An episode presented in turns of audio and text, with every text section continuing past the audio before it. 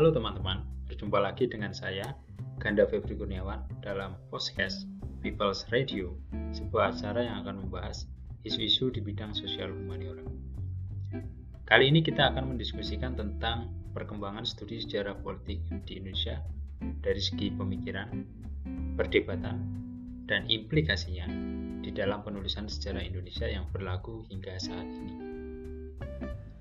Sejarah politik adalah sebuah subdisiplin di dalam ilmu sejarah yang membahas tentang kekuasaan, negara, bangsa, negara bangsa, hubungan antar negara bangsa, hubungan rakyat dan kekuasaan, dan banyak lagi tema-tema di dalam sejarah politik yang tentu berkaitan dengan proses politik di dalam sebuah komunitas. Sejarah politik berkembang pesat di abad 19 dan salah satu tokohnya adalah Leopold von Ranke yang memiliki gagasan bahwa no document, no history. Sejak Ranke, sejarah sebagai sebuah bidang studi telah disaintifikasi. Ranke menentang penulisan sejarah yang tidak didasarkan pada sumber-sumber dokumen. Artinya, dalam gagasan Ranke, sumber-sumber lisan atau fakta mental atau sociofact, fakta sosial, itu tidak berlaku. Rangke hanya mengakui bahwa sejarah harus ditulis berdasarkan dokumen. Dan dokumen itu adalah mencirikan sebuah proses politik, di mana jika gagasan Rangke itu akan diterapkan, maka sejarah yang dapat ditulis hanyalah sejarah-sejarah yang resmi, sejarah-sejarah yang teradministrasi, di mana dokumen sebagai sumber penulisannya pasti tersedia. Sedangkan sumber-sumber lisan dan sumber-sumber ingatan dari sebuah komunitas dan masyarakat itu tidak berlaku. Di abad 19, gagasan itu sangat monumental dan pengikut Ranke yang menamakan diri sebagai Rankenian itu banyak memuja dan menggalang kekuatan untuk membuat sebuah kelompok studi yang membumikan pemikiran Ranke tersebut. Pemikiran Ranke itu kemudian berhasil melegitimasi Ranke sebagai bapak sejarah politik modern yang mengedepankan saintifikasi di dalam penulisan sejarah. Gagasan Ranke menyebar ke seluruh dunia, juga ke Hindia Belanda. Pada waktu itu Indonesia belum berdiri dan yang masih berkuasa di Nusantara adalah pemerintahan Hindia Belanda di bawah kerajaan Belanda. Di dalam posisi itu, perkembangan sejarah politik didominasi oleh sudut pandang Nirlandosentris atau sudut pandang yang dikedepankan oleh orang-orang Belanda. Sudut pandang itu pada saat itu wajar karena Belanda sedang berkuasa dan menginginkan bahwa kekuasaannya terlegitimasi. Gagasan Ranke sekaligus menggugurkan banyak sumber-sumber sejarah seperti babat, serat, kemudian kitab-kitab klasik yang membahas tentang perjalanan politik kerajaan-kerajaan di Nusantara supaya tidak diakui sebagai sebuah dokumen sejarah. Tetapi hal itu dalam akhir-akhir ini disusul oleh uh, menyebar luasnya pemikiran tentang oral history yang salah satu pelopornya adalah Jan van Sina. Di dalam bukunya Oral Tradition as History itu cukup memberikan penjelasan bahwa sejarah lisan, bukti-bukti lisan, kemudian fakta mental dan fakta sosial adalah bagian dari sumber-sumber sejarah yang penting untuk dirawat. Sehingga bukan hanya dokumen yang bisa digunakan untuk menulis sejarah, tetapi bagi Vansina ingatan yang dicerminkan ke dalam kata-kata, kemudian fakta sosial itu adalah bagian dari sumber sejarah yang bisa dimanfaatkan oleh para sejarawan. Hal itu cukup dilematis mengingat pada masa kolonial pemikiran Ranke itu juga juga sudah cukup kuat. Pemikiran Ranke juga seolah-olah meng menggeser paradigma sejarah politik yang tadinya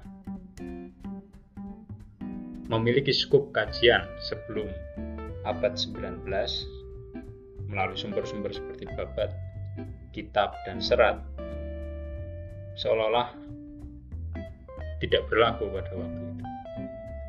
Dan secara politik lebih difokuskan ke arah masa depan yang berjalan ketika dunia modern mulai mulai tumbuh dan sejarah ditulis dengan bukti-bukti fisik berupa dokumen dan hasil dokumentasi dari sebuah peristiwa. Pemikiran Ranke memang saintifik dan itu menjadi satu sumbangan penting di dalam penulisan sejarah dan metode sejarah. Bahkan di masa Hindia Belanda, pemikiran Ranke itu mendasari lahirnya sebuah karya monumental uh, bercorak Nirlandosentris yang ditulis oleh Stapel dan kawan-kawan berjudul Geschiedenis van Netherlands ini yaitu sejarah India Belanda bahwa pada waktu itu pemerintah kolonial menginginkan ada sebuah pengendalian ingatan di bawah payung sejarah politik yang dapat menjadikan masyarakat di India Belanda ini memahami sejarahnya sebagaimana memahami proses kolonialisasi. Dan di situ diceritakan bahwa bangsa Belanda adalah bangsa yang ingin menyelamatkan masyarakat Nusantara dari belenggu kebodohan dan ketidakberadaban. Hal itu tentu saja telah mencederai pengetahuan umum tentang fakta sejarah yang ada bahwa sebelum kedatangan bangsa Belanda, peradaban di Nusantara sudah berkembang pesat. Tetapi sekali lagi, jika menggunakan masa Ranke, semua itu mungkin tidak berlaku. Tetapi kita mencoba mendudukan sejarah secara lebih adil lebih seimbang, kita ketahui bahwa sebelum kedatangan Belanda ke Nusantara yang diawali dari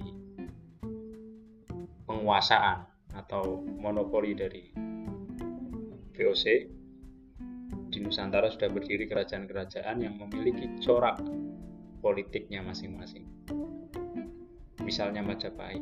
Majapahit memiliki sumber tertulis yang menceritakan tentang perjalanan kerajaan tersebut dan berisi tentang sejarah politik yaitu pada negara Kertagama kemudian kitab Sutasoma dan Serat Pararaton ketiganya bercerita secara lugas tentang dinamika perpolitikan di dalam kerajaan Majapahit dan itu menjadi satu bukti bahwa sebenarnya kita telah memiliki narasi sejarah politik yang berharga dan dari kitab-kitab itu pula kemudian di kemudian hari menjelang Indonesia merdeka muncul gagasan bahwa kebangsaan kita tidak sebatas pada Jawa ataupun Sumatera ataupun Kalimantan tetapi kebangsaan kita membentang sepanjang Sabang sampai Merauke. Gagasan itu diambil dari sebuah cerita di dalam negara Kertagama yang yang menjelaskan bahwa kekuasaan Majapahit melingkupi seluruh wilayah Nusantara. Dan itu menjadi sebuah perlawanan pemikiran di dalam penulisan sejarah politik yang yang cukup terlihat dan menjadi kekuatan di dalam penulisan sejarah politik yang baru untuk menggeser pemahaman sejarah politik yang dicetuskan oleh Stapel dan kawan-kawan dalam buku sejarah India Belanda itu. Jadi ada satu periode penting yang tidak boleh kita lupakan di dalam perkembangan studi sejarah politik di Indonesia pada masa pra-kolonial yaitu pada masa tradisional. Kitab-kitab babat kemudian serat itu menjadi satu sumber penulisan sejarah politik yang penting. Karena dari situlah kemudian cerita-cerita rekonstruksi historis pada sebuah masa kejayaan kerajaan itu bisa kita temukan. Atau juga kita bisa menemukan bukti-bukti historis yang lain pada relief-relief candi yang bisa ditafsir secara arkeologis dan ada muatan politik di dalam sebuah kisah relief candi itu juga tidak menutup kemungkinan dan saya kira di dalam kisah-kisah tradisi lisan yang menyebar di Pulau Jawa sendiri hal itu sudah sudah sangat umum dan menjadi pemahaman kita bersama.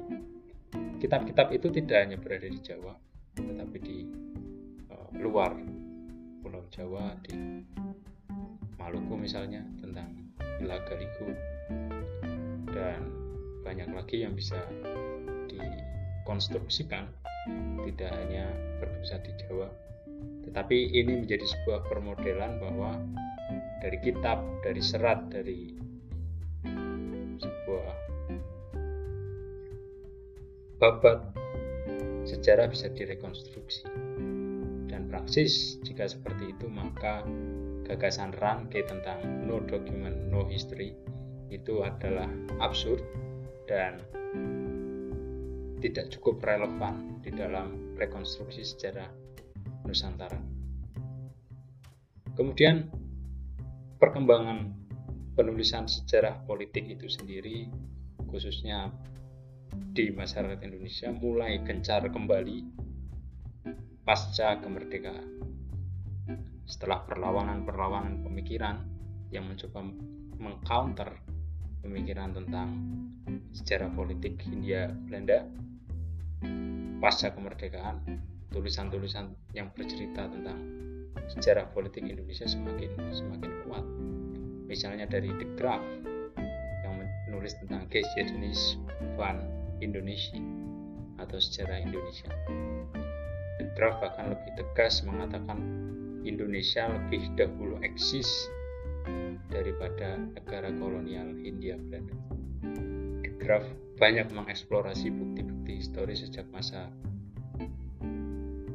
Hindu Buddha dan di situ memang bidang keahliannya dan dia mencoba memberikan sebuah pemahaman bahwa sambungan pola dalam sejarah Indonesia dengan masa klasik di periode Hindu-Buddha itu sangat terasa dari pemikiran, budaya, tradisi, dan perilaku masyarakat.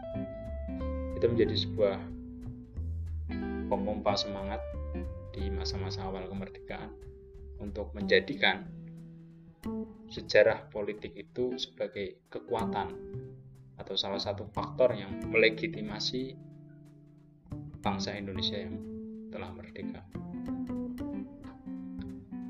De Graaf tidak sendirian tentu, ada juga Bapak Muhammad Ali, salah seorang sejarawan Indonesia yang juga concern di dalam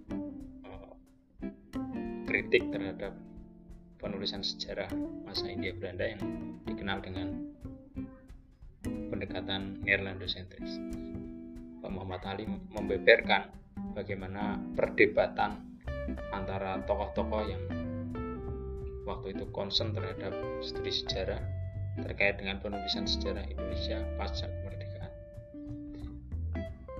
Pak Muhammad Ali sendiri telah menyimpulkan bahwa perdebatan waktu itu berada seputar apakah masa kolonial itu akan dimasukkan ke dalam periode penulisan sejarah Indonesia sebagai bagian dari pembentukan negara bangsa yang bernama Indonesia ataukah Indonesia itu terbentuk atau cikal bakalnya sudah terlebih dahulu ada sebelum bangsa kolonial itu datang ke Indonesia. Perdebatan itu kemudian melahirkan sebuah simpulan yang cukup menyulut api nasionalisme masyarakat pada waktu itu bahwa Indonesia atau keindonesiaan itu lebih dahulu eksis sebelum bangsa kolonial itu datang ke Nusantara. Dan kemudian tradisi budaya yang ada telah digeser oleh budaya kolonial yang dibawa dari Barat. Dan itu menjadi catatan penting di dalam kritik Pak Muhammad Ali dalam bukunya Pengantar Ilmu Sejarah Indonesia. Tetapi semua pemikiran itu telah melandasi satu gagasan besar tentang historiografi Indonesia dengan sudut pandang Indonesia sentris. Dan percakapan tentang sejarah politik Indonesia mulai mulai bergulir. Dan sebenarnya yang disebut sebagai Nederlando sentris maupun Indonesia sentris adalah sebuah pemikiran yang menjadi dasar penulisan sejarah politik di Indonesia hingga saat ini. Makanya tidak jarang bahwa sebuah narasi sejarah yang ada di Indonesia ini bertentangan dengan narasi sejarah yang ada di negeri Belanda dalam satu periode. Itu menunjukkan bahwa memang benar sebuah bangsa itu harus punya satu perspektif yang dipertahankan untuk menjaga kedaulatan dan eksistensi bangsa tersebut. Kita tidak bisa menggambarkan diri sebagai bangsa terjajah yang serba menderita dan tidak mampu memberikan perlawanan. Itu tentu akan menjadikan gagasan historiografi itu percuma untuk diajarkan. Untuk apa kita bercerita tentang kekalahan kita? Tetapi hal itu juga penting untuk kita ingat dan kita pelajari bahwa dari kekalahan itu kita memiliki pelajaran dan pengalaman yang yang besar untuk bangkit dan menunjukkan eksistensi diri kembali. Selanjutnya di tahun 1957 kita ketahui ada sebuah perhelatan di dunia akademik yang diberi nama Seminar Nasional Sejarah Pertama atau Seminar Sejarah Nasional Pertama. Di situ gagasan Indonesianisasi dalam penulisan sejarah itu sudah mulai membentuk dan mapan bahkan tokoh-tokohnya sudah sudah sangat piawai dan memahami seluk-beluk ilmu sejarah seperti Pak Muhammad Ali, Muhammad Yamin, Sartono Kartodirjo, Nugroho Noto Susanto, dan orang-orang yang di periode berikutnya menjadi arsitek di dalam penulisan sejarah Indonesia yang berlaku hingga saat ini. Dan pada waktu itu, penulisan sejarah Indonesia yang menggunakan paradigma politik itu dipertegas dan penulisan sejarah Indonesia dari sudut pandang politik itu yang menjadi dasar untuk membangun negara Indonesia dengan semangat nasionalisme yang yang yang besar ada cita-cita ada keinginan untuk menjadi bangsa maju ada sudut pandang kemandirian, kemanusiaan, dan ada juga jati diri, identitas, dan di situ semuanya bercampur. Dan sejarah Indonesia akhirnya diarahkan kepada empat ciri-ciri utama. Yang pertama adalah bersifat Indonesia sentris, yang kedua sesuai dengan cara pandang bangsa Indonesia, yang ketiga mengandung character and nation building, atau pembangunan karakter bangsa dan yang keempat disusun oleh orang-orang atau penulis-penulis Indonesia sendiri. Jadi kita mulai mandiri secara akademik di dalam menyusun sejarah politik kita sendiri. Itu menjadi satu gagasan bahwa penulisan sejarah dengan sudut pandang Indonesia sentris itu adalah permulaan dari perkembangan sejarah politik modern di Indonesia yang berpijak dari proses kesengsaraan di masa masa kolonial. Jadi sejarah politik Indonesia sebenarnya ditulis atau berkembang dengan kepentingan nasionalisme juga. Sejarah politik Indonesia digambarkan sebagai sebuah proses panjang pembentukan identitas nasional atau identitas kebangsaan kita.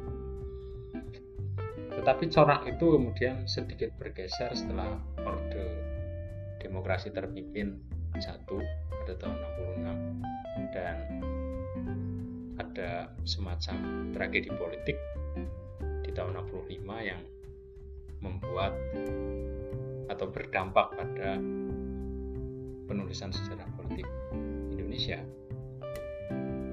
pada masa berikutnya di masa Orde Baru kita mengenal sejarawan seorang sejarawan berlatar belakang militer bernama Bapak Nugroho Susanto. Beliau adalah arsitek dari penulisan sejarah nasional mungkin yang pertama dengan sebuah konsep pendekatan yang sangat-sangat sistematis untuk memberikan pemahaman kepada masyarakat tentang perjalanan sejarah bangsa Indonesia yang di dalamnya juga memposisikan beberapa kelompok sebagai musuh bangsa yang berhasil dikalahkan. Masa itu, jiwa zaman merestui atau mendukung pemikiran semacam itu.